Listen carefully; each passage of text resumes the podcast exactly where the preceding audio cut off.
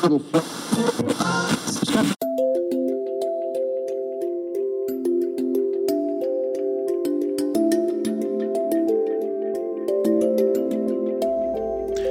komið í sæl og velkomin í tíunda þátt Móla. Þetta er Magnús Valdursson sem fyrr ég er að taka hér upp í, í stúdíónu hjá mér í kjallaranum. Það er nú bara ljómandi aðstæða hér og, og ekki við því að kvarta. Ég er hérna með heimskortið beint fyrir fram á mig á vegnum og ætla því að hefja þennan þátt á á atriði það sem allur heimurinn er undir sem er, er tollastrið bandarækjan og Kína en þetta er fjóruði þátturinn í rauð það sem ég tek fyrir einn móla það sem að tollastriði kemur fyrir með einhverjum hætti mér finnst þetta að vera mjög áhugavert mál tollastrið bandarækjan og Kína þetta er, þetta er stóra málið sem að allþjóða gældir í sjóðurinn er að skrifa mikið um núna að það með ekki dragast mikið á langin, það muni valda valda því að það muni hægjast enn meira á hakkerjum heimsins og valda jafnvel meiri óróa á svæðum sem er að glíma við erfileika vegna tollastriðsins og Ísland er ákveðið svona, við skulum segja við erum mjög háð því að alltjóðaveðskipti gangi smurt. Lítið opið hakkerfi sem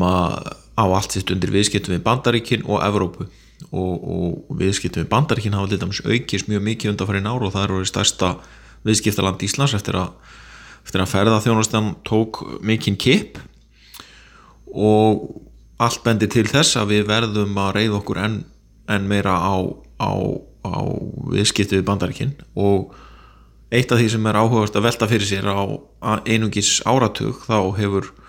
fjöldi staða þar sem er flóið á milli Íslands og Bandaríkjana farið úr 5 í 20 og þetta er nú þegar við skoðum hafugustinu á Íslandi þá er þetta ástæðan fyrir hafugustinu Ísland er svo lítið að svona hluti geta bara verið eins og vítaminsbrauta fyrir hagkerfið. Og, og þannig er það núna og þessu hafa fyllt til dæmis auknir vörulhutningar líka. Og, og já, það má segja að ef við gerum viðskiptarsamlingu í bandaríkinn þá eru miklu hagsmunur í húfi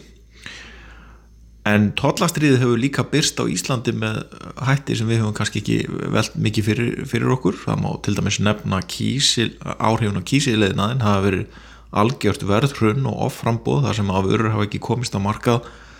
vegna, vegna hind, viðskipta hindrana. Og þetta hefur leitt til verðfalls eins og ég segi og, og leiti meðal annars til þess að Arjónbanki afskrifaði Eh,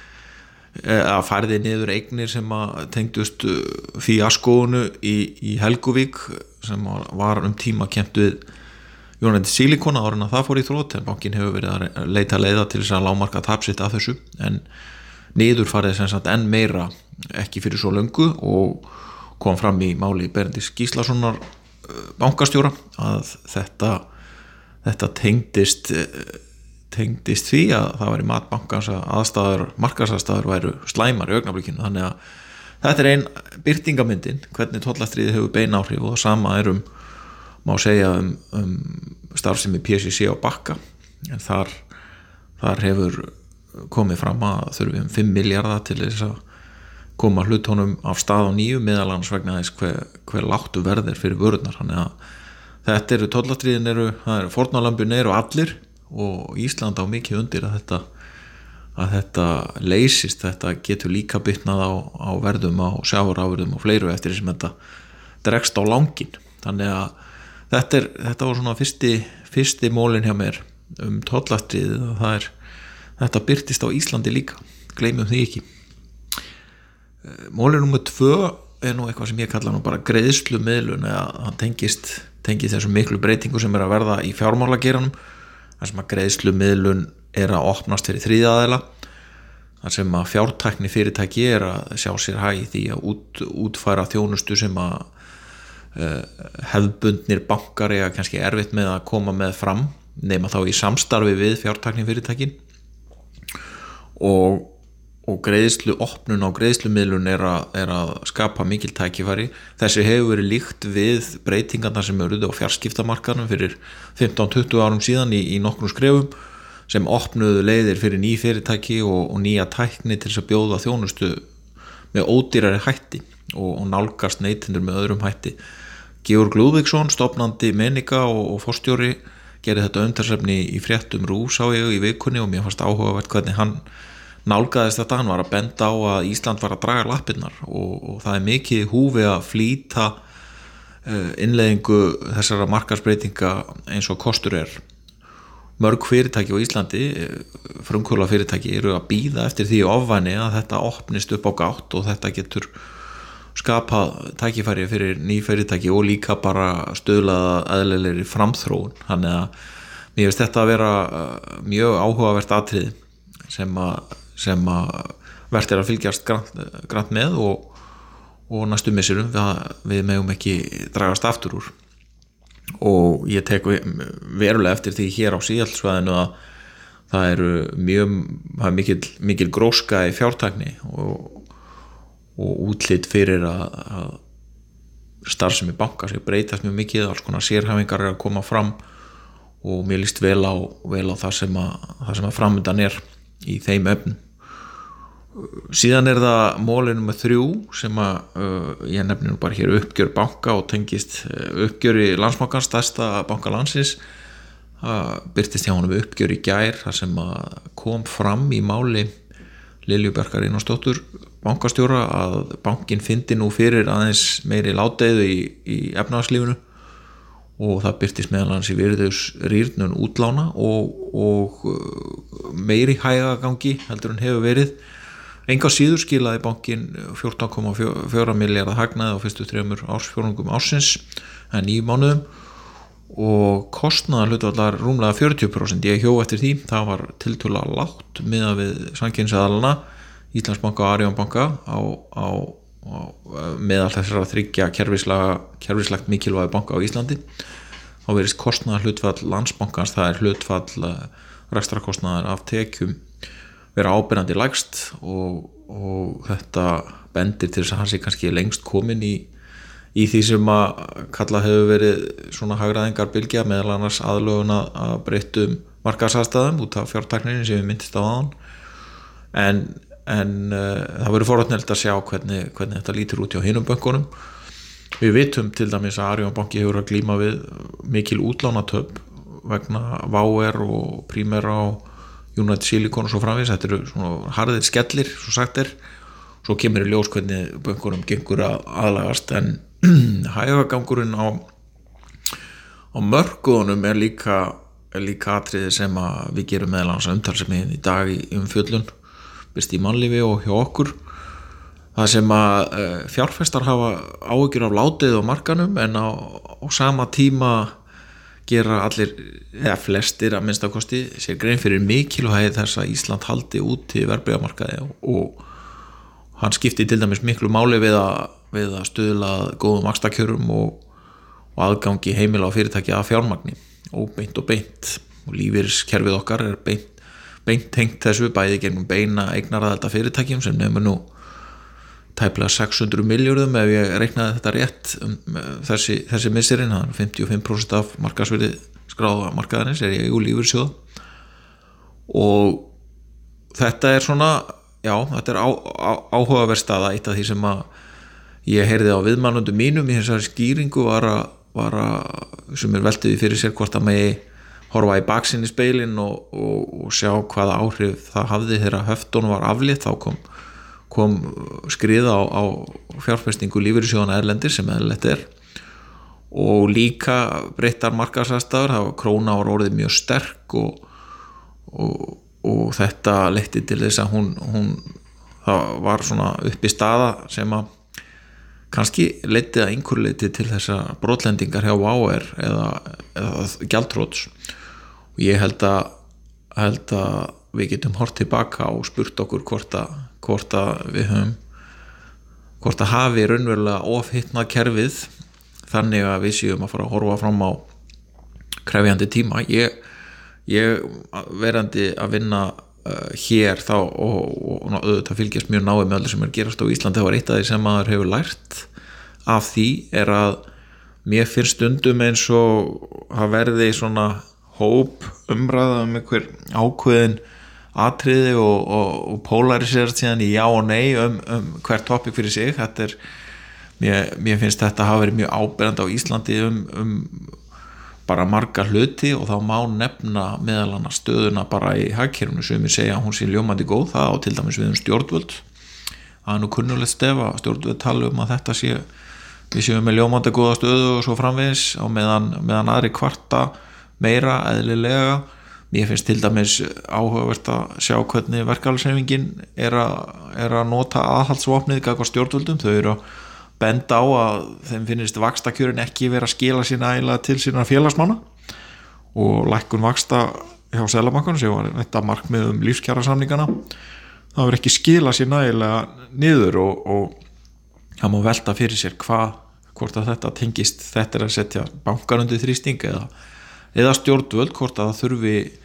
hvort að þurfi reynlega meiri insbyttingu í hagkerfið í formi þá fjárfestinga og umbyrra framkvæmda og svo framvegis. Það er, þetta er eitt af því sem við rætt, rættum hér í síðasta þetta sem ég myndist á skrif Sigur Hannessonar framkvæmdstjóra samtaka yðnaðanis það var mjög stórt mál í hans huga að þyrta auka innviða fjárfestingar og ég veldi aðeins fyrir mér hvort að, hvort að ákall þeirra sem eru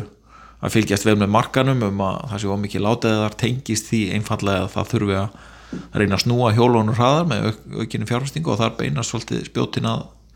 að ríkinu, ríkisjóði og, og sveitafélögum og svo framvegs að auðvitað lífur í sjóðunum að einhver leiti en, en, en þetta er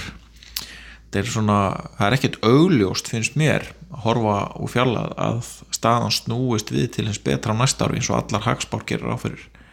það þarf að spyrja því hvernig mun það gerast. Mun það gerast með auknum ströymi ferðamanna? Mun það gerast með auknum útflutningi? Mun það gerast með auknum rástöðunatekjum uh, hvernig mun það gerast? Þetta er svona eitthvað sem að uh, mér finnst eðlilegt að ræðu með gaggrinum, gaggrinum huga. Og síðan er það 50 mólin sem að ég ætla að minnast hérna á og hann, hann tengist uh, miklum breytingum sem að maður er að sjá víða þessi missirinn ég ætla nú að fá að nefna einn ein punkt hérna og undan, undan, undan því áður en ég fer í þennan punkt sem ég kalla sjálfverkni og brím er að hér á vestundröndinni er, er gríðalega mikið talað um miklar breytingar sem er að verða á ímsum þáttum. Þetta tengist sko því hvernig ríkinn og borgirnar og sveitafélagin hér á vesturöndinni er að framkvæma Parísasankumulagið og, og sjálfbandi markmið saminuðu þjóðana í gegnum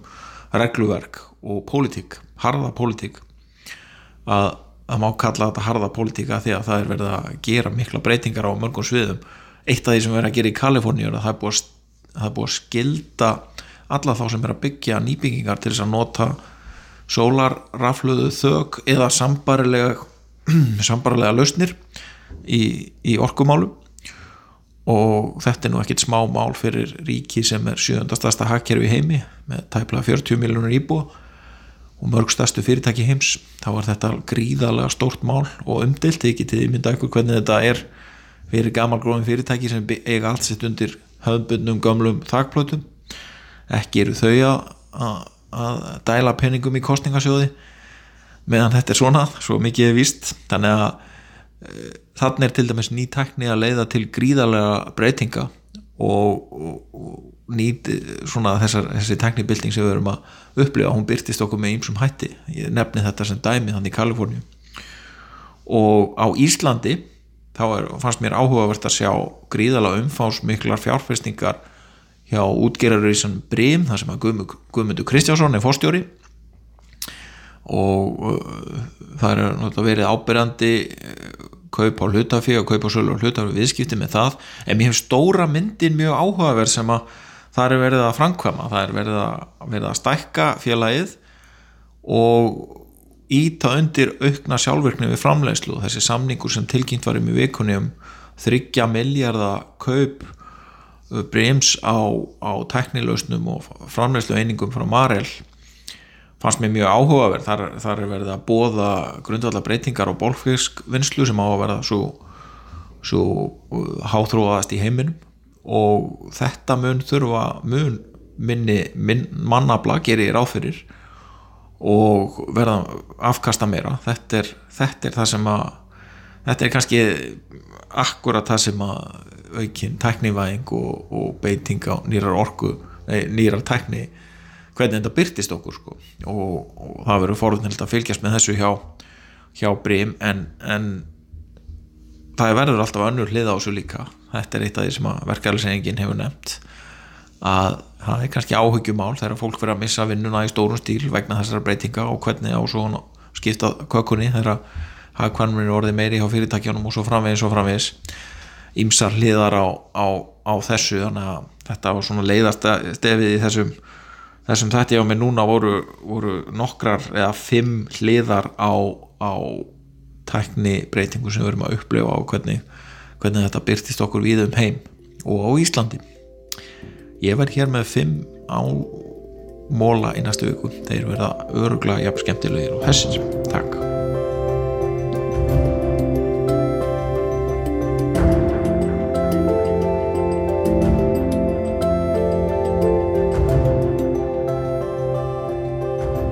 fyrir að hlusta á hlaðvarp kjarnans. Þú getur sótt fleiri þætti um allt milli heimins og jarðar á vefnum kjarnin.is.